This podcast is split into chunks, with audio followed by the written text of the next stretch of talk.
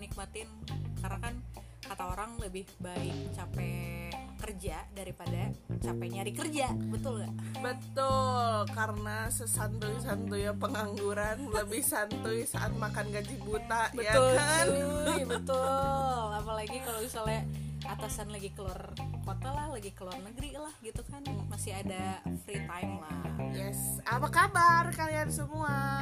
Yo, kembali lagi bersama Ketar Ketir dan saat ini seperti opening tadi kan kita bahas soal ya seputar pekerjaan lah ya. Apalagi kan kita berdua ini bisa dibilang anak rantau walaupun nggak jauh-jauh amat.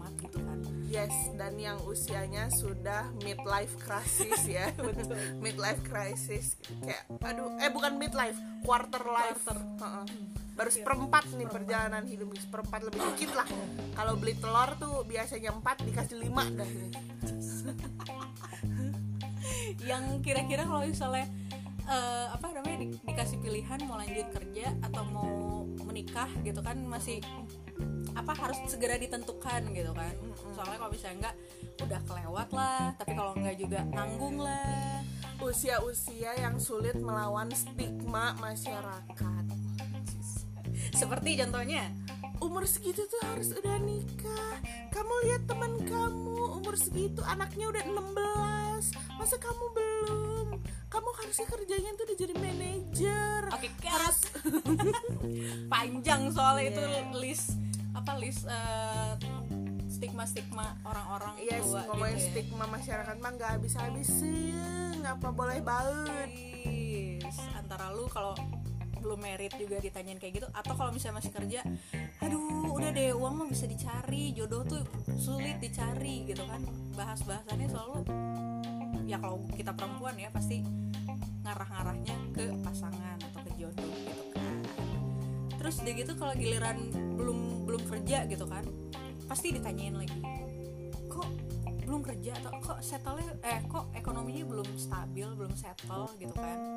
Jadi serba salah sih men. Tapi anyway kita sebenarnya bakal ngebahas tentang eh, pekerjaan sih lebih tepatnya gitu. Dari awal kita nyari kerja sulitnya gimana terus setelah mendapat pekerjaan ber- betapa struggle-nya kita untuk tetap fit tetap nyaman. Betapa sulitnya menjaga pekerjaan itu tetap di tangan kita. Betul. Terus kayak eh, apa ya namanya ada ada plus sama minusnya tapi ngelihat teman-teman aduh gila dia semudah itu gitu ada di jabatan yang sangat bagus gitu kan. Sedangkan kita aduh masih di sini sini juga gitu. Padahal sebenarnya waktu pas nyari kerja tuh sulitnya aduh sulit banget gitu. Terus nggak bersyukur gara-gara melihat atau nge-compare dengan teman lain gitu sesama se- satu circle gitu ya sekarang kalau ngelihat yang lebih tinggi dari kita ya kan pasti kayak aduh enak banget ya dia umurnya sama kayak gue tapi penghasilannya lebih banyak karirnya udah bagus terus kehidupannya kayak normal-normal aja menikah punya anak. Sedangkan kita ya kan huh carut marut saya memang kadang-kadang rumput tetangga itu lebih hijau tapi mungkin rumput mereka lebih hijau itu karena mereka urus rumputnya sementara kita enggak. Jadilah rumput kita ditumbuhi semak belukar gulma-gulma hama-hama hmm. Anjay. Nah, bahas soal eh, awal mula deh, asal mula kita bekerja. How hard it was pekerjaan ya itu yang lu jalani, lu lewati. kalau gue kan gue lulus itu Juni kan Juni 2014 lulus kuliah Habis Oh, wow. itu ya sudah lama ya sayang Kayak dibandingin sekarang 2020. 20. Ah, oke. udah masuk SD ah. itu tuh abis lulus pertama masih santai gitu kan masih ah main-main Ah, dulu main-main ini gitu. itu Stres aing skripsi gitu ya. Habis itu udah nggak kerasa tiga bulan nih kan. Waduh kok belum ada panggilan? Ada panggilan pun nggak ada yang nyantol. Emang udah niat nih mau merantau aja. Kamu wanita panggilan. iya betul. Angelo antar jemput lonte Aduh, terus kayak eh, emang udah niat kan pengen ngerantau ke Jakarta. Karena kan asalnya dari Bandung terus gue ngerasa kayak kalau di bidang yang gue mau di Bandung itu nggak bakal berkembang. Makanya akhirnya gue memutuskan ke Jakarta walaupun drama tuh kan. Biasa emak-emak tidak mengizinkan anak gadisnya untuk pergi ke luar kota. You know kayak gue apa diceritain si Bega ini nyokapnya nganterin ke Travel. ya. Pak titip anak saya pak. Nyokap gue mengantarkan gue ke travel X Trans ya biar kalian tahu dengan berurai air mata terus nitipin gue ke supirnya. Titip anak saya pak. Dia suka tidur di jalan. Terus kayak mah sejauh-jauhnya gue ke bawah itu ya cuma dari kuningan ke Blora doang tuh literally nggak nyampe 5 km tuh tapi kan itulah kasih seorang ibu ya kan. Terus abis itu ya udah mulai awal-awal ngerantau tuh nebeng dulu nih sama teman. Kebetulan kan teman gue udah ada yang eh, duluan di Jakarta. Terus memang kita udah istilahnya solid banget nih gitu emang udah saling bahu membahu dari dulu. Akhirnya dia ngebantuin nih gue nginep dulu di kosan dia. Karena kan ya sih penginapan di Jakarta meho. 2014 belum ada gojek gojek dan kawan-kawannya ya kan? Barbie ke mana-mana naik turun Kopaja udah kayak si Dul tau nggak bawa-bawa amplop pakai baju resmi abis itu naik turun Kopaja salah naik Kopaja. Aduh pokoknya mendrama aja. Kalau lu? Gue ya. Kalau gue sih sebenarnya lulus kan lulus itu ya eh, ya susah kan ya cari pekerjaan. Apalagi maksudnya bidang gue pada saat itu emang emang bukan bidang yang luas gitu. Kalau misalnya eh, lu kan hukum gitu legal semua perusahaan pasti ada. Nggak nggak pasti sih maksudnya ya ada lah. Sedangkan gue kan memang segmented banget gitu kan si eh, bidang pekerjaannya nah terus udah gitu ya seperti biasa lah kakak gue kan udah mulai ngomel-ngomel gitu kayak yaudah coba PNS aja PNS aja. Ya elah lu pikir PNS mudah kan Bambang gitu kan. Tapi masih pengen strict untuk ya udahlah gue udah kul- kuliah 4 tahun lama masa iya gue eh, kayak mulai lagi dari nol. Tapi lama-lama dipikir-pikir anjir yang lain udah pada kerja gitu ya udah udah ngajak main tuh ya udah pak pakai duitnya mereka sendiri gitu kan udah hasil kreatif mereka sendiri. Sedangkan gue kayak aduh gimana ya aduh nggak dulu deh nanti dulu nahan-nahan gitu. Padahal jiwa raga ini sebenarnya. Jiwa foya-foyaku ini bergetar gitu kan pengen pengen ikutan juga. Secara kita kan kaum BPJS ya kan budget pas-pasan jiwa, jiwa sosialita. M M M. Terus udah gitu akhirnya ya udah kakak gue kasih tau kan ya udah nih ada ada kerjaan di kantor gue yang nggak gede sih tapi ya udahlah at least tuh ada pengalaman di mana dunia kerja gitu kan. Udah masuk situ sebagai uh, admin gitu kan kayak ya gitu karena bukan bidangnya terus uh, nggak fit di di posisi seperti itu tuh jadi pengen aduh nggak betah gitu kan. Udahlah yang penting gue kenal yang penting gue tahu uh, kan perkantoran tuh seperti apa kerja tuh seperti apa punya atasan tuh seperti apa gitu kan. Dan oh ternyata ini ngerasanya punya penghasilan sendiri gitu. Terus masih pengen kerja di bidangnya. Terus akhirnya ya udah uh, setelah lewat ber berbulan-bulan finally adalah pekerjaan. Masih di Bandung nih. Adalah pekerjaan yang sesuai bidang. Karena kan uh, di bidang gue kan segmented banget dan itu tuh lebih gedenya lebih banyaknya di Jakarta. Hanya nggak ngerti ya ibu kota ini seperti uh, Menolak. menolak gitu kan. Belum belum melihat ada keberadaannya si Tirza ini gitu kan di dunia ini di Bandung ini. Eh di Bandung di Indonesia ini gitu. Jadi udah ratusan kali ya lamaran yang gue kirim di ibu kota untuk media atau broadcasting nggak ada ada juga. Sampai akhirnya ya udah dapet di sini ya udah gue jalani lah gitu. Dan memang memang apa ya ya enak gitu ketika bekerja di uh, bidangnya dibandingin yang sebelumnya yang bukan bidangnya. Terus waktu lu interview interview kan lu banyak tuh interview interview ada gak sih pengalaman konyol atau yang aneh lah atau kayak gimana. Nah kalau misalnya waktu yang di Bandung belum sih. Waktu yang di Bandung kan karena memang uh, apa ya namanya interview pertama gue dan puji Tuhannya lolos gitu kan di interview pekerjaan kedua gue cuman memang uh, ya itulah nanya-nanya gitu kan ke teman-teman yang sudah bekerja terutama lu gitu. Ini Beng gimana ini kalau misalnya jawab ada pertanyaan kayak gini? Bahkan gue sampai latihan sama si Benga ini untuk interview kan. Supaya ya nggak malu-maluin banget gitu. Nah tapi yang lucunya waktu pas gue uh, eh, kan resign dan mencoba untuk ke Jakarta gitu. Akhirnya ada nih panggilan di Jakarta uh, bidang yang baru lah. Uh, kita bilang ya konten kreator gitu kan yang lagi youtuber dan uh, sebagainya macamnya. Terus interview ini tuh apa ya karena mungkin anak muda kali ya jadi bukan bukan orang kantoran yang uh, HRD kantoran banget gitu. Tapi ini HRD tapi sama-sama bisa dibilang masih muda gitu. Jadi saking asiknya interview jadi kerasa kayak interview sama uh, apa tanya jawab sama temen gitu. Jadi hmm. lupa aja kalau dia tuh sebenarnya iya dia tuh sebenarnya atasan gitu hmm. calon atasan gue gitu waktu pas interview ya jadi uh, Tirza gimana? Kalau misalnya kamu punya atasan kayak ya gue sih sebenarnya literally gue ngomong ya gue sih sebenarnya nyaman aja sih mbak.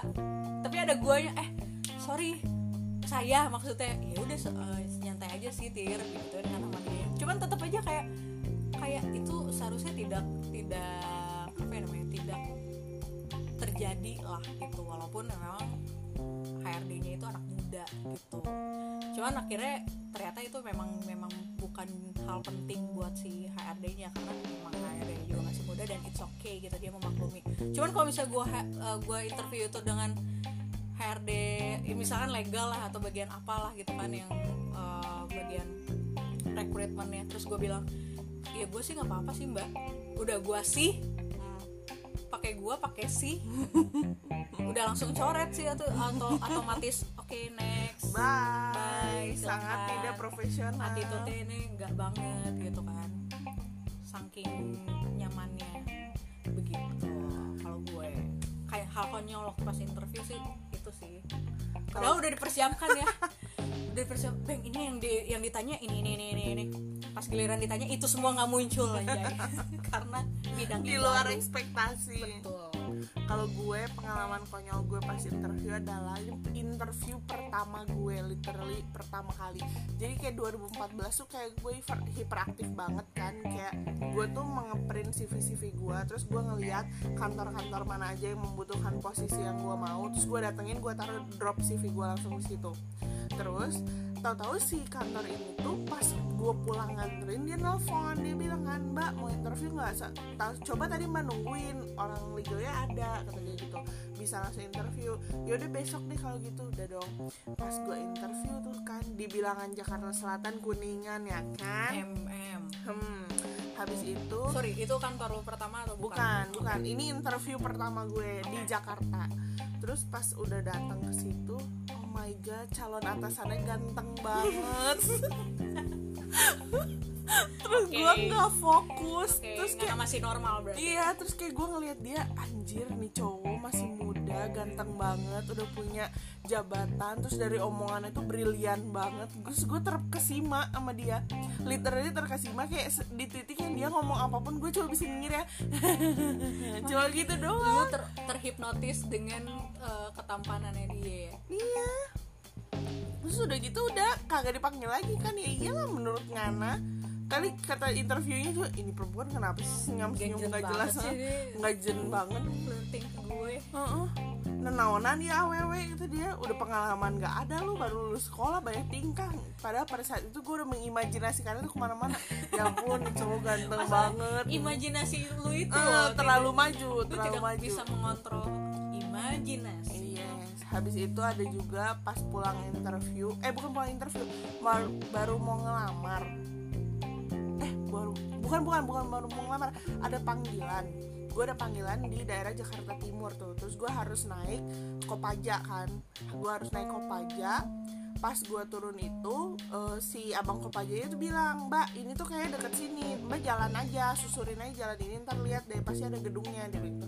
Oke pak. Turun lah gue beruntungnya gue nggak enak nih. Iya beruntungnya gue dibantuin abang Kopaja itu kan. Gue turun itu posisinya jalan raya yang agak gede dan agak rame. Tapi eh, orang-orangnya tuh sepi. Jadi yang rame itu sama mobil sama kendaraan doang.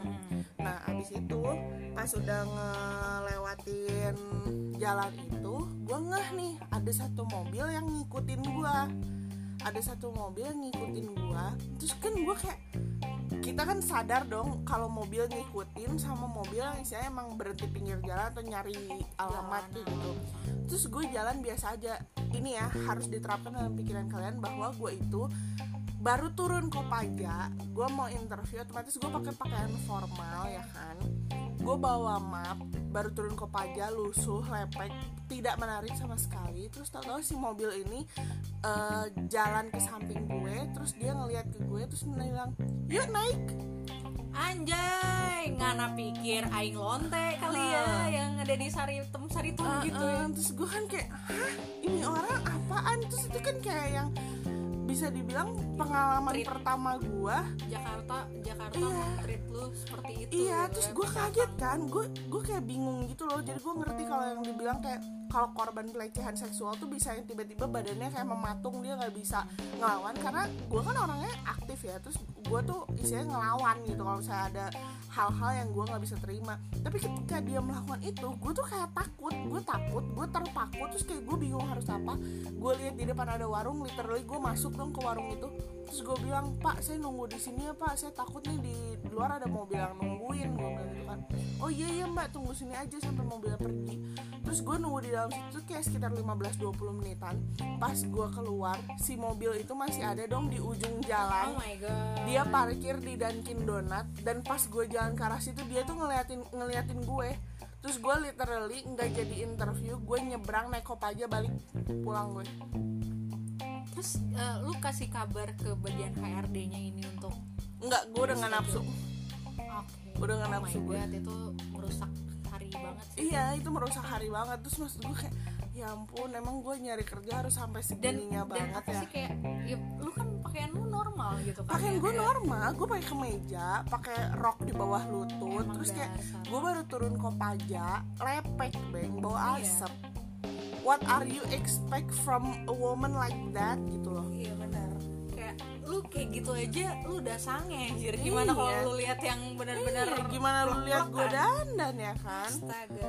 geblek banget itulah itu tuh dua pengalaman satu pengalaman interview satu pengalaman hampir interview Iya. abis Yang itu satu eh, imajinasi lu membuat lu membawa ke mana-mana. Yang satu imajinasi orang. Yang membawa ke mana-mana ya. Oke. Terus kalau misalnya eh, apa tadi kan kita bahas soal eh, interview gitu. Nah hal pertama day one lah.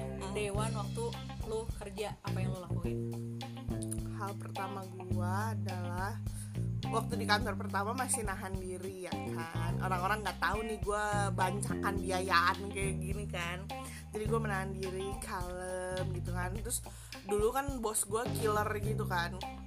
Dia tuh pinter banget tapi killer banget gitu. Jadi gua harus respect sama dia. Saya gua nggak boleh lebih ribut daripada dia lah gitu. Ya itu eh, sampai kayak sebulan pertama kerjaan gue adalah memfotokopi dan nge-scan. Oh, wow. Mhm. terus gue kayak ya lu, lu anjir seharusnya kayak ini gue nggak salah.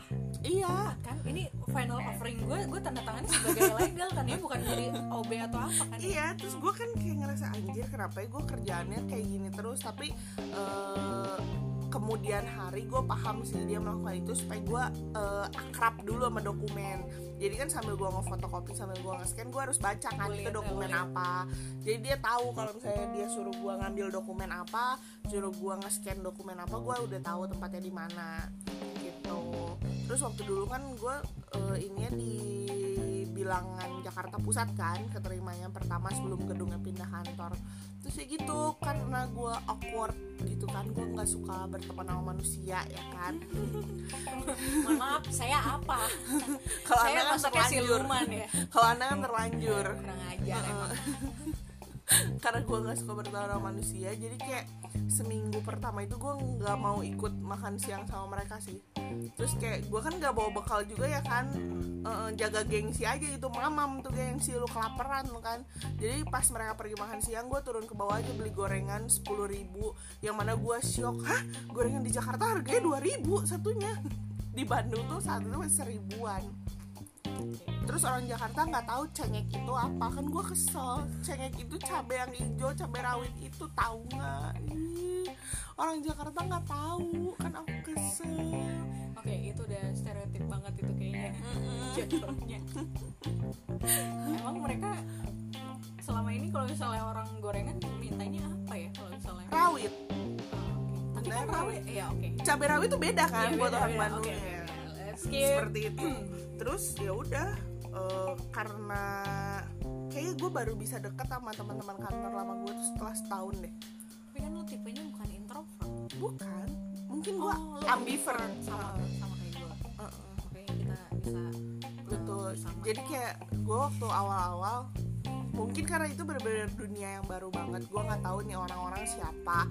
Terus kayak gap umurnya kan lumayan banyak eh lumayan jauh, Jauh. kan jadi kayak gue sangat menahan diri dan gue pun ngeliat dulu nih nih orang tuh karakternya kayak gimana. Karena kan pas gue baru masuk aja langsung ada drama-drama nih gitu di kantor itu. Jadi gue bener-bener kayak wah gue harus hati-hati banget nih di kantor ini ternyata. Banyak sekali Agak- ahli kungfu agak, ya kan? agak, agak, agak gimana gitu ya kayak gue tuh anak baru tapi Iya. gue sudah menerima info yang seharusnya gue jangan dulu tahu gitu kan Uh-uh. jadi terus kayak oh my god di sini banyak gitu banyak banget ahli kungfu ya kan? Pandai bersilat lidah. Gue pikir ahli kubur anjir.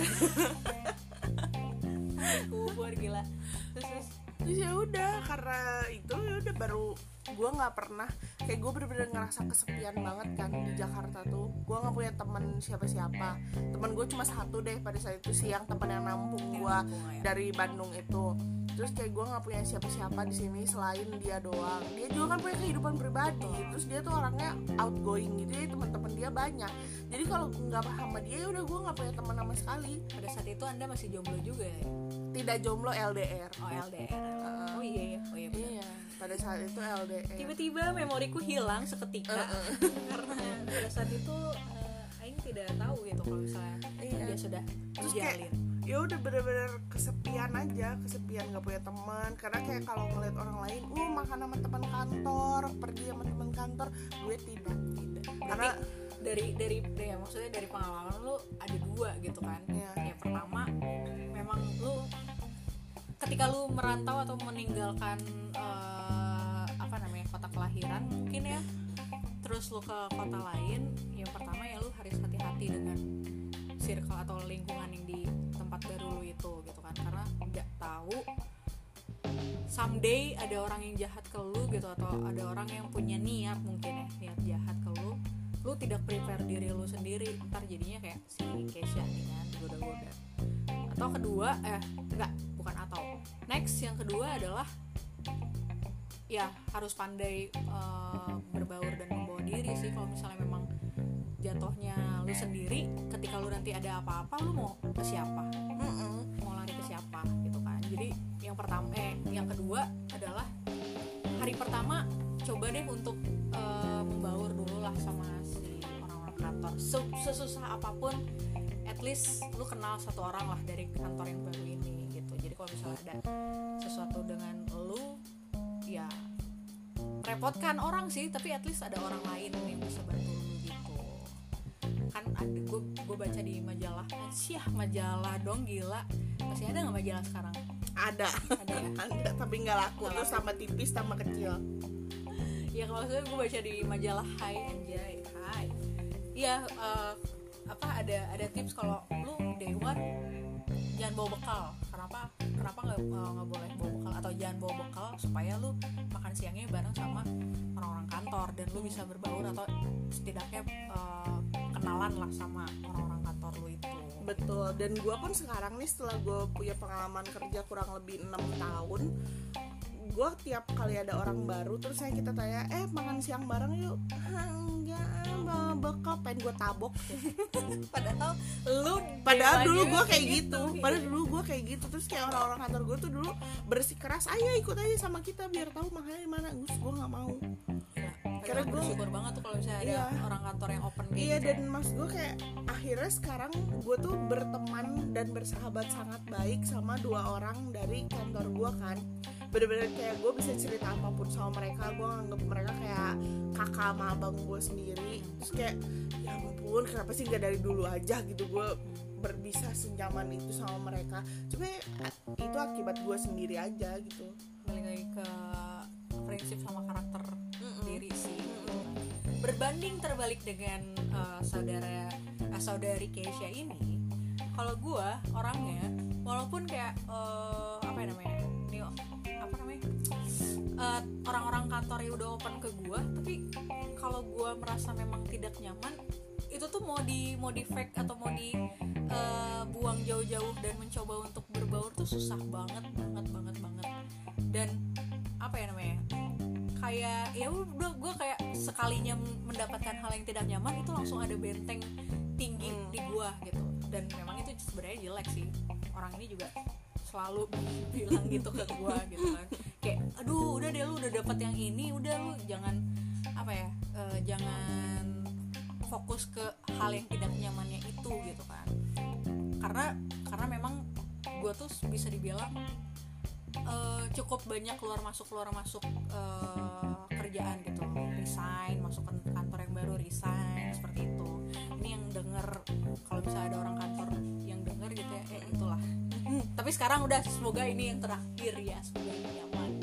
Bukan nyaman ya semoga ini at udah least ini bisa bertahan lima tahun ke depan Iya ya. betul. Ya nggak lima tahun depan juga sih tapi bisa bertahun-tahun lah misalkan. Tapi kenyamanan itu sendiri tuh bahaya loh karena gue merasakan nih gue tuh di kantor yang lama bener-bener ngerasa nyaman banget. Karena ketika gue udah bisa membuka diri sama teman-teman gue terus gue mengenal pribadi orang-orang di kantor itu satu-satu bener-bener nyaman banget. Kayak senior senior yang di situ tuh bener-bener care sama gue yang pada saat gue sakit literally gue hanya perlu mengangkat badan gue dari kantor ke eh dari kosan ke kantor. Terus semua udah tersedia. Vitamin obat makanan obat Cina obat wah semua ada. Obat kuat. Obat kuat obat apa segala macam ada gitu. Karena mereka bener-bener sampai secare itu. Mereka nanyain gue gimana kabarnya gimana ini apa segala macam. Itu yang membuat gue gue tidak menyadari lingkungannya tuh eh, spesifik di bidang yang gue lagi kerjain ya. Gue nggak bilang general tapi kayak di bidang yang lagi gue jalani eh, situasinya tuh udah bener-bener toxic banget. Toxic dalam arti gue itu tidak berkembang. Jadi karena lingkungannya stagnan statis aja gue nggak berkembang dan gue terlambat menyadari itu. Sampai akhirnya gue tiga setengah tahun kan di situ. Oh berarti itu juga yang terjadi gua di radio dong? Iya bisa Sepertinya. jadi Iya. bisa jadi. Karena ya kalau kalau ngomong soal kenyamanan ibu nyaman gitu dengan ya lokasi yang deket terus kayak eh, apa ya gue suka dengan pekerjaannya terus udah gitu orang-orangnya juga asik seru. Tapi ya itu tidak berkembang di jenjang karirnya coy.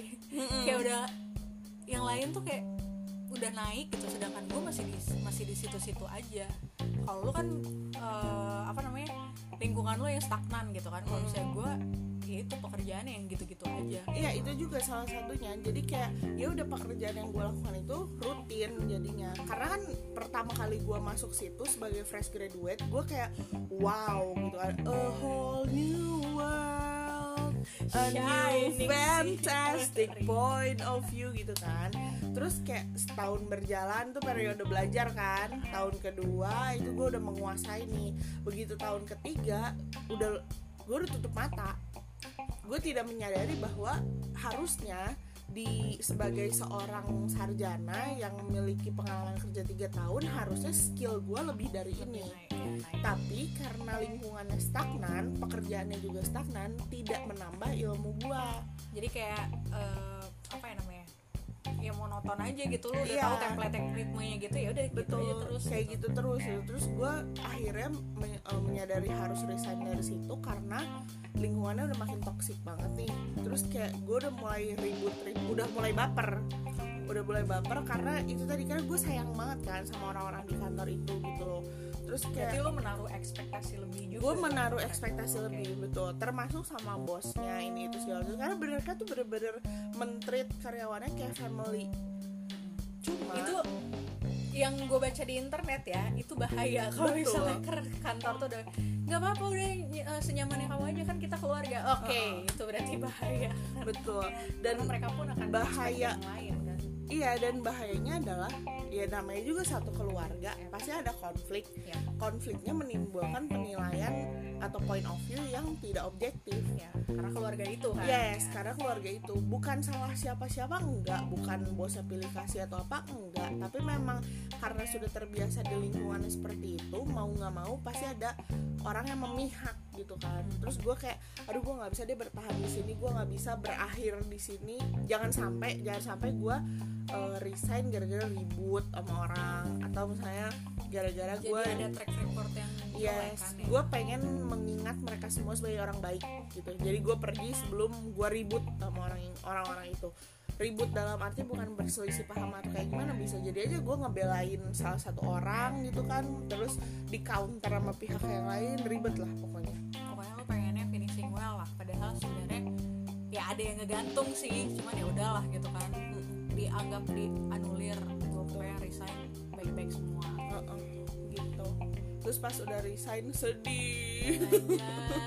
Karena- iya coy Iya kan? Karena meninggalkan sahabat-sahabat bapak dan ibu Iya. yang menganggap dia sebagai anak gitu karena biasanya belum tentu nemu yang seperti itu juga di Iya, kantor baru gitu. bener-bener kayak di kantor lama tuh ya gue kayak minta Ci pengen makan ini dong bener-bener dimasakin sama dia satu magicom terus kayak gue shock gitu yang "E, Ci aku itu cuma satu orang anak kos-kosan loh kenapa kamu masakin sebanyak ini? gitu. kamu mau ngasih makan aku sampai akhir bulan? Enggak kan?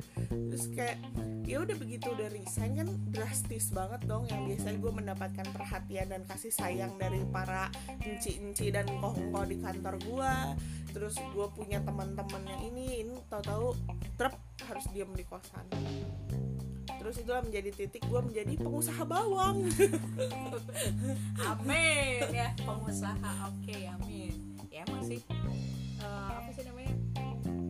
Ada yang harus dikorbankan untuk sebuah kebaikan asik. Ya tapi kan maksudnya ya lu menyadari itu sudah tidak tidak baik dan daripada lu drain diri lu semakin semakin parah lagi. Kayak maksudnya lu berarti kalau misalnya lu bertahan kan lu memaklumi hal itu kan dan itu, Iya. itu kan jelek gitu. Nah itu pun yang gua rasakan waktu pas yang di uh, kantor kedua. Kantor kedua ini kan kayak uh, apa ya namanya kayak gue ngerasa kenapa kerjaan gue begini-begini aja gitu. Emang sih udah udah maksudnya dari dari dari scriptwriter. Lanjut ke apa namanya ke kameramen terus akhirnya jadi terakhirnya jadi uh, produser itu kan sebuah peningkatan. peningkatan gitu. Cuman maksud gue kayak template kerjanya tuh gitu-gitu aja gitu. Gue datang eh, apa namanya bikin bikin skrip bikin iklan eh, liatin program handle program udah gitu pulang kayak nggak ada sesuatu yang bikin gue lebih lebih kreatif lagi gitu. Mungkin ya karena berarti sama kayak gue kan kayak lingkungannya tuh stagnan iya karena kan apa yang namanya eh, ya mungkin karena si udah udah udah segmented lebih lagi segmented lagi gitu. Maksudnya Hmm. circle-nya makin kecil gitu. Karena kan apa namanya eh, udah belum lagi ini di Bandung gitu. Kalau bisa Jakarta kan ya mungkin kalau misalnya sama-sama radio tapi bisa berkembang lu ada bisa bikin konten apa? Cakupannya jauh Iya, lebih luas. cakupannya lebih lebih luas gitu. Jadi gue ngerasa kayak aduh gini-gini aja gitu. Gue bukan yang nggak bersyukur cuman tetap ada eh, jiwa apa ya namanya jiwa ingin ingin lebih gitu. Tantangan yang lebih. Karena ngerasa ah ini udah udah bisa gue kuasai gitu. Udah udah dicetek ya akhirnya mencoba untuk pengen pengen cari yang lebih sih. Karena kan mikirnya oke gue sudah terlalu lama di sini dan gue sudah merasa cukup di sini gitu. Belum lagi emang ada ada apa ya namanya ada triggernya juga gitu di internal kantor gue itu. Akhirnya berdasarkan saran dari beberapa orang termaksud si Keisha ini akhirnya ya udah gue memantapkan. Itu tuh gue hampir hampir satu tahun ya gue kayak aduh gue pengen pengen Iya. keluar aduh gue pengen keluar tapi gue gak keluar keluar gitu coy. Tet- apa? Gue pun gitu sih. Gue butuh gue butuh waktu satu tahun buat memantapkan hati yang benar-benar sampai di titik yang fix gue harus keluar dari Iya. sini. Daripada jadi gue yang toksik gitu kan. Iya. gue yang beradaptasi dengan hal ini jadi mending udah deh putusin aja si terus eh, apa namanya? Oke terus lanjut ke setelah keluar kan gue ngerasa kayak aduh nyesel gue keluar ya kalau misalnya kayak gini. Karena itu lumayan lama kan. Ya Eh, enggak sih sebenarnya gue gue free, eh, freelance di satu tempat gitu. Cuman maksudnya beda lah yang lu full time tiba-tiba lu freelance memang banyak waktu gitu banyak waktu terus waktu itu lu freelance-nya juga bukan di bidang yang sama kan? Bidang yang beda masih lagi ada kaitannya cuman memang eh, intensitas kerjaannya aja Iya. nggak nggak nggak nggak gede gitu nggak sering. Terus akhirnya jadi kayak aduh lihat-lihat ke belakang lagi gitu kan gue eh, cai kenapa gue harus keluar? Gitu di saat gue belum belum settle ada yang baru gitu kan atau enggak kayak eh, apa gue kayak masih terngiang-ngiang dengan gue gue masih terngiang-ngiang dengan apa namanya lingkungannya yang asik gitu kan. Jadi kayak Apalagi- comparing gitu tau nggak? Apalagi kalau ada klien nelfon iya nih bu gara-gara nggak ada ibu nih jadi susah Oh, nih. iya, bener, bener, bener. gue langsung kayak my god kalian tuh nggak bisa ya melakukan pekerjaan yang gue lakukan. Kayak gitu aja lu nggak bisa. Uh gila Bener banget. banget, bener banget. Kayak tiba-tiba ada yang ngechat Kak Tirza udah nggak di sini lagi ya? Udah enggak kak, aduh terus ini saya harus gimana dong? Iya udah ada yang baru dong, Eh, udah udah ada yang baru. Oh oke, tiba-tiba ngechat lagi, kak ini kok agak-agak ya? Mm-mm. kayak ah, duh kalau misalnya ini di treat dengan baik kan akan jalan gitu. bahkan sampai sekarang pun gue kayak udah resign 2 tahun lebih Masih kan dihubungin. masih dihubungin terus lu tau apa yang ditanya tahu nggak dokumen ini di mana hey dalam waktu 2 tahun itu gue nggak tahu kan orang di situ pindahin dokumen ke mana aja mohon maaf nih bukan mbah mijan nggak punya saya kemampuan Aku bukan cenayang yang Iya. bisa memandang seluruh Betul. ruangan di situ di gue nggak punya kemampuan untuk itu cuy mohon maaf nih Betul. jadi ya sebenarnya masih susah move on sih kalau gue dari kantor yang lama dan dan guys apa secara langsung jadi nge compare kita dengan yang ngegantiin kita ya Hmm. itu lucu sih maksudnya tapi ngomongin soal settlement nih tadi lu bilang lu pernah ngalamin ini gak sih struggle sama gaji? Hmm, struggle sama gaji yang kayak gimana sisinya karena ya nggak tahu ya mungkin emang balik lagi ke karakter kayak gue tuh menerima itu eh, apa ya namanya gue di, dikasih harga segitu ya udah gitu gue terima gitu maksudnya. Jadi nggak nggak nggak kalau gue nih gue kan banyak gaya ya. Kan ya emang. Jadi jadi mengiyakan. waktu pertama masuk kerja gaji gue tuh tiga juta setengah tuh gue inget banget. 2014 gaji gue tiga juta setengah. Karena gue banyak gaya jadi gue kosannya harga satu juta. Mm-mm. sisa uang gue 2 juta setengah dong. Gue kasih tuh ke emak gue 500 ribu. Ya kan? Sisa 2 juta 2 juta itu gue harus bagi dalam 30 hari. Yang mana di dalamnya gue harus balik ke Bandung once in a while ya kan? Hmm, itu masih naik aja itu kan? Masih nekop aja terus kayak gue harus pakai ongkos ke sana sini misalnya ke mall atau main atau ini itu. Sampai di satu titik yang gue bener-bener cuma mampu makan indomie tiga kali sehari tuh? Jadi salah satu alasan gue menggendut adalah bukan karena gue terlalu nyaman sama pacar atau terlalu nyaman sama kehidupan perantau enggak. Gue makan indomie tiga kali sehari cuy. Udah bagus gue kagak tipes cuma gendut doang. Jadi tolong hargai saya. Itu kegendutan Gua- gua ini dulu- adalah saksi hidup dari gue dulu perjuangan gue gue. dulu marahin si si Bega si Keisha kayak ya ampun seriusan lu makan Indomie terus Indomie terus aduh ya ampun gitu kan maksudnya kesel sendiri gitu lu udah tahu gak sehat tapi tapi Hmm. Setelah- pas setelah anda Ah. merantau anda tahu kan aing merasakan sendiri betapa nikmatnya ketika aduh gila gue Iya. banget tapi cuma ada Indomie dan udah. Indominya tuh bukan yang beli bukan beli di warung atau gimana bukan beli dimasakin di warung kopi gitu enggak Makan jadi. Eh, eh, jadi pagi-pagi biasa gue emang skip sarapan kan emang karena gue nggak suka sarapan terus siang-siang itu karena kosan gue deket dari kantor gue kadang suka pulang ke kosan alasan aja ngambil jemuran atau apa gitu padahal misalnya gue buru-buru makan indomie gue gue makan. Terus malamnya ya udah balik lagi ke kosan kan makan lah gue lagi. Heeh, jadi kayak gue harusnya duta Indomie gitu. Karena kayak gue udah nyobain semua rasa lu Indomie seharusnya, no. lu seharusnya di endorse ya. Iya harusnya gue di endorse. Betul. Karena bener-bener kayak itu the lowest point. Terus yang sampai teren titik terendahnya pada saat itu adalah gue bener-bener nggak punya duit nih. Bener-bener nggak punya duit nggak punya beras terus kayak nggak bisa minjem ke siapa-siapa terus gue cuma bisa nangis karena kelaparan. Terus gue cuma "Huh, mama lapar tuh gitu doang. Terus ya udah sampai pas udah malam adalah eh, tahu-tahu malaikat penolong pada dari mana eh, eh ini gue kirimin makanan ya. Is, itu kayaknya nasi paling enak yang pernah gue makan seumur hidup gue itulah ya. Apa dicukupkan Dicukup. benar-benar walaupun udah sempet kelaparan dulu sih Iya, ya iya. kan? Badan gendut kelaparan gak ada yang percaya dong. Gimana mau prihatin? Badan gue aja lemu ya kan? Karena cadangan-cadangan itu nggak bisa lu makan ya. Iya cadangan-cadangan ini nggak bisa gue gerogotin gitu kan. Tetap aja udah tau nggak punya duit pengen jajan. Iya kan lah kan ya itu kan Keisha banyak banyak gaya Jacqueline. Iya betul. Nama tengah lu middle name-nya adalah banyak Logai. gaya. Logai. Nah, kalau misalnya eh, bahas soal eh, struggle eh, struggling strugglingan asik apa sih itu bahasa Indonesia? Pergumulan. Pergumulan cara bertahan gitu. Kalau misalnya gua struggle-nya adalah ketika jauh dari ibu negara. Karena kan maksudnya biasanya eh, ngurus dokumen atau apa ditemenin gitu kan. Karena masih di Bandung gitu masih di Bandung. Terus kalau sakit ayo ke puskesmasnya bareng gitu kan. Duh puskesmas banget ya BPJS banget ya oh rumah sakit gitu. Kelihatan banget kasta anda. kastanya.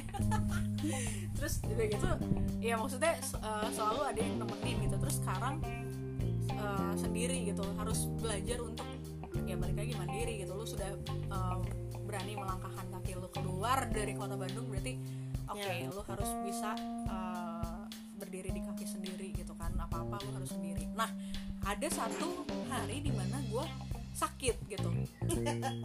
Gue sakit kayak jadi jadi gue tuh kalau misalnya kalau gue tuh kalau misalnya haid itu bener-bener hari paling paling paling paling deh. Kayak kepala lu sakit perut lu sakit semua badan lu tuh sakit nggak bisa nggak bisa ngapa-ngapain gitu. Dan ya pada saat itu tuh gue lagi datang bulan gak bisa ke mana-mana di kosan dan gue eh, apa namanya nggak tahu kalau misalnya gue tuh udah udah masuk mah gitu maksudnya. Jadi kayak kayak numpuk kan si si rasa sakitnya. Gue pikir itu rasa sakitnya tuh rasa sakit datang bulan. datang bulan. Ternyata mah gue kambuh gitu kan maksudnya si GERD ini kambuh. Dan itu bener-bener sakit. Gue kayak telepon nyokap nyokap bilang ya yaudah eh, apa maksudnya paksain aja ke dokter atau cari at least painkiller lah gitu kan. Paracetamol atau apa. Dari situ gue belajar oke lu harus nyetok obat apa pun lu pokoknya harus ada. kosan gue segala macam obat ada.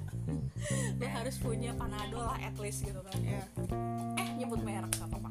Terus udah gitu ya di situ tuh benar-benar aduh Tuhan gue mau ke mana lagi nih gimana caranya gue untuk menghilangkan ini gitu. Kayak lu mau tidur nggak bisa. Karena kan ya kerasa sakitnya atau eh, ininya kan fokusnya ke cenut-cenutnya itu kan.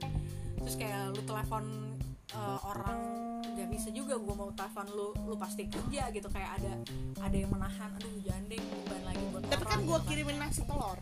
Ya terus udah gitu kayak aduh nggak bisa ngapa-ngapain kan.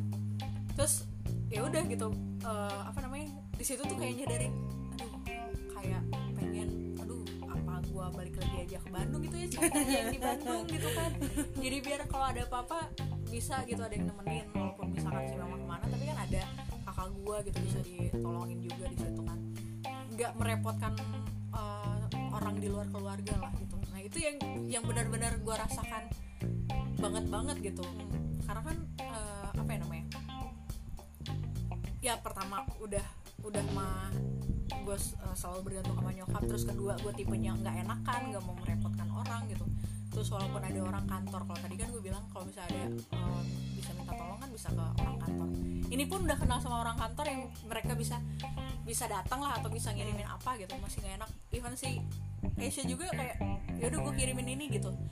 Gue juga masih masih mikir nggak enak gitu kan nggak enakan. Karena ya ya gimana? Orang mau turun ke bawah aja gue nggak bisa gitu dari situ kayak aduh jangan sampai Tirza ngana sakit. Iya kalau Kayak- lagi sakit. terus terus aja lah terus terus aja nyokap eh, apa namanya bacotin bacotin Hmm. serewetin gitu. Jangan lupa makan jangan lupa apa itu bener-bener bener-bener harus diterapin guys. Hmm. gue jaga kesehatannya itu bener-bener Gua Kalau juga ngerasain sakit, karena kayak sakit terparah gue itu kan gue emang orangnya jarang sakit kan kayak flu batuk biasa doang karena keseringan jajan kan. Tapi bener-bener yang sakit terparah itu sampai di titik yang gue di kantor aja abis minum obat ketiduran di meja. Saking nggak kuatnya kepala berat banget gitu badan panas apa segala macam terus kayak diem di kosan menggigil mau makan nggak enak ya kan mulut pahit mau beli nggak mampu Aduh, gila. terus kayak mau pada saat itu kan masih LDR juga ya kagak ada yang nganterin kan terus mau ke rumah sakit nggak ada yang nganter. Terus gue harus gimana? Akhirnya besokannya terus gue ke kantor dianterin sama OB gue. Hanya OB itu yang mengantarkan gue ke rumah sakit. Mungkin kalau gue kenapa-kenapa dia kali dikira. Dan Iya. OB ini cuma OB ini sih yang gue inget nomor handphonenya. Kayak otak gue tuh terbatas cuma bisa nginget dua nomor handphone kan. Jadi satu nomor handphone gue satu nomor handphone OB itu. Terus luar karena biasa ya. Iya. Bisa-bisanya lu ingetin nomor OB nomor nyokap bokap pacar abang nggak ada yang gue inget. Nomor lu nggak ada yang gue inget. Yang gue inget nomor OB itu aja. Padahal gue yakin nomor OB lu itu susah banget nomornya pasti. Iya betul. Nggak ada nggak ada yang triple Iya. nggak ada yang double Nggak ada. nomornya. Nggak ada. Oh, nggak bisa. Karena dia bener-bener kayak membuat gue demanding sama dia gitu. Kayak gue merasa membutuhkan gitu. Kayak aku tuh nggak bisa hidup tanpa kamu mas. Gitu. oke pada saat itu posisi eh, pacar tergantikan. tergantikan. Kayak dia lebih tahu apa pun tentang gue daripada pacar gue pada saat Mbak itu. Keisha nggak ini? Heeh. karena udah sering berlalu iya sampai yang dia kayak kalau beliin makanan buat mbak Keisha jangan pakai ini dia tuh sukanya ini dia harus gini dia harus itu. Cuy. Heeh, dia tahu nih kalau pagi-pagi dia nyiapin air buat orang lain air panas buat gua enggak kayak gitu. Pokoknya care banget lah. cuy orang kantor yang eh, masih ada memori. Betul. Di ingatan hah sama kalau ini sih ngurus-ngurus kayak dokumen ke kantor Ya, pemerintahan gitu. itu kan. itu gue paling males tuh sumpah. Biasanya kan kayak biasanya nyokap udah gue- tahu gitu ini Iya. ini lo butuh ini. Iya, biasanya tuh yang ngelakuin itu bokap gue kayak gue sama nyokap gue tuh paling males kan karena gue pribadi tuh tipikalnya kan paling emosi. Dulu kan pemerintahan itu seenak udahnya ya. Dulu bisa tapi bisa bisanya gitu ya kita lagi ngantri iya. si Eta tiktokan. Iya Dulu. Dulu kan dulu kita nggak bicara sekarang. Nah, sekarang mah bagus. Aduh, udah go online sekarang mah ya walaupun hmm, sampai di titik yang kayak orang kantor gue bilang Keisha kamu harus punya NPWP terus kayak gue nggak menemukan cara untuk tidak emosi dalam pembuatan NPWP ini. Terus gue telepon aja bokap gue pokoknya yang nggak mau tahu papa harus bikin NPWP ada bayar berapapun calonnya aku nggak mau ngurus sendiri di sini. Udah deh bisa deh jangan ditiru ya teman-teman biasa kan mengurus dokumen apa pun sendiri. Tapi karena aku tidak sabar ketemu orang yang pika anjingan jadi mending aku nyuruh bapak aku aja. Mending mending uang aja lah yang Iya. berbicara lah ya. Iya, betul. apa beraksi. Heeh, mohon maaf dah nggak mampu dah. Gitu kalau misalnya harus berurusan sama yang kayak gitu-gitu udah sih sampai kayak misalnya sesimpel hal nyoblos gue mending balik ke Bandung aja daripada gue harus ngurus dokumen ini itu surat-surat ini itu. iya belum ketemu orang-orang yang nyebelin ih ogah mah. Oke, next. Terakhir sebelum kita tutup uh, podcast hari ini, yang membuat lu bersyukur sampai akhirnya lu bisa uh, sampai di kerjaan yang ini setelah pergumulan yang begitu panjang, terus keluar masuk keluar masuknya, terus ketemu lagi lingkungan baru, juga ya yang tadi udah dibahas gitu kan, yang bisa lu terima untuk menjalani kerjaan yang sekarang itu apa? duit money. Money money money money. Bakat itu tuh nggak? Bakatku Oh, butuh butuh Betul. cong cong selain karena ya uangnya sesuai nggak bilang bagus banget sih nggak masih kurang dari ekspektasi ya. Tapi ya cukup gitu. Terus eh, di sini tuh gue bener-bener banyak belajar ilmu baru juga sih karena atasan yang sekarang itu bener-bener ngemong banget gue membimbing terus kayak membuka cakrawala baru gitu kan buat gue another a whole new world gitu. Kayak dulu a whole new worldnya kan Dolly Parton ya. Sekarang nih Ariana Grande nih. Oke. lebih baru a whole new lebih world modern gitu ya. Mm-mm. betul. Terus ya karena ini dunia plus baru. lu bisa melihat yang kece-kece ya. Betul. Baru satu sih Oh, bukan Oke. di gedung mungkin ada ada orang Korea yang ganteng tapi bukan di kantor gue. Itu apa eh, setelah yang dilihat adalah yang tua-tua gitu. Eh Iya. akhirnya cong ada yang bening sedikit. Betul. Terus apa ya yang bisa bikin bertahan? Mungkin karena udah ke, udah kebiasaan merantau jadi kayak biasa hidup sendiri kan. Terus ketika misalnya gue harus eh, balik ke Bandung tinggal sama orang tua deh gitu berapa lama kayak lebih dari seminggu tuh kayak udah ngerasa risih gitu. Karena pasti ditanyain kapan pulang? Main ke mana? Beli ini bawa ini nitip ini nitip itu. Ini siapa? Itu apa? Ini itu. Jadi kayak too much energy mah. Too much energy. Gitu. Kayak eh, saya kan kaum rebahan ya. Gitu. Jadi maunya rebahan aja gitu dia main handphone gitu kan jadi kayaknya kalau lebih dari seminggu tuh abis baterai gue untuk bertahan dalam dunia ini gitu. Ya itu sih. Karena gue menemukan kenyamanan karena bisa sendiri. Karena gue gak suka bergaul sama manusia itu tadi. Bahkan sekarang di titik yang gue kalau beli aqua galon aja pergumulannya dua hari gitu. Pergi nggak nih gue pergi nggak? Pergi nggak gue nih?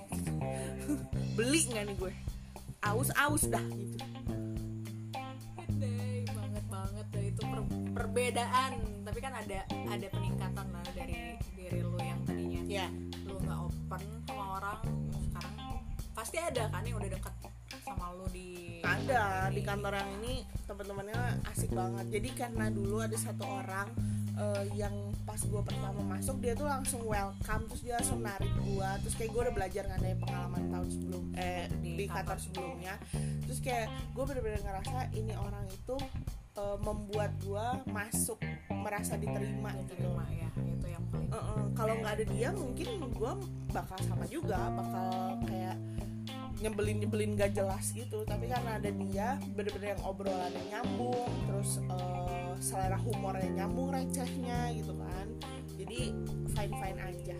Kalau gua yang membuat gua ya karena baru juga sih ya tapi ya ini tuh bener-bener panjang sih teman-teman karena apa ya namanya gue pengen gue bisa dibilang picky dan gue bisa dibilang eh, orangnya kayak terlalu berprinsip ya. Jadi susah gitu. Ketika ada peluang ada si tempat ini walaupun misalnya gue gue nggak belum berani untuk membi- eh, bilang kalau misalnya ini tuh bagus ya. Tapi sesuai dengan bidang gue terus eh, apa namanya pekerjaannya lingkungannya juga eh, terbuka untuk gue terus juga apa ya namanya ya pokoknya pl- adalah plus plusnya di dibanding dengan yang sebelum sebelumnya jadi kayak oke Tirza oke apalagi yang lu cari yang lu cari di sini sudah ada semua gitu kan. Ya walaupun gaji sih itu mengikuti lah ya. Yang yang pasti kan gue gue nyaman dengan pekerjaannya gue nyaman dengan apa namanya lingkungannya. Lingkungannya welcome banget sama gue dibanding sama yang sebelum sebelumnya gitu kan. Gue gue kan berdoanya maksudnya ya semoga gue bisa diterima di lingkungan yang baru gitu. Tapi ternyata butuh waktu untuk gue gitu.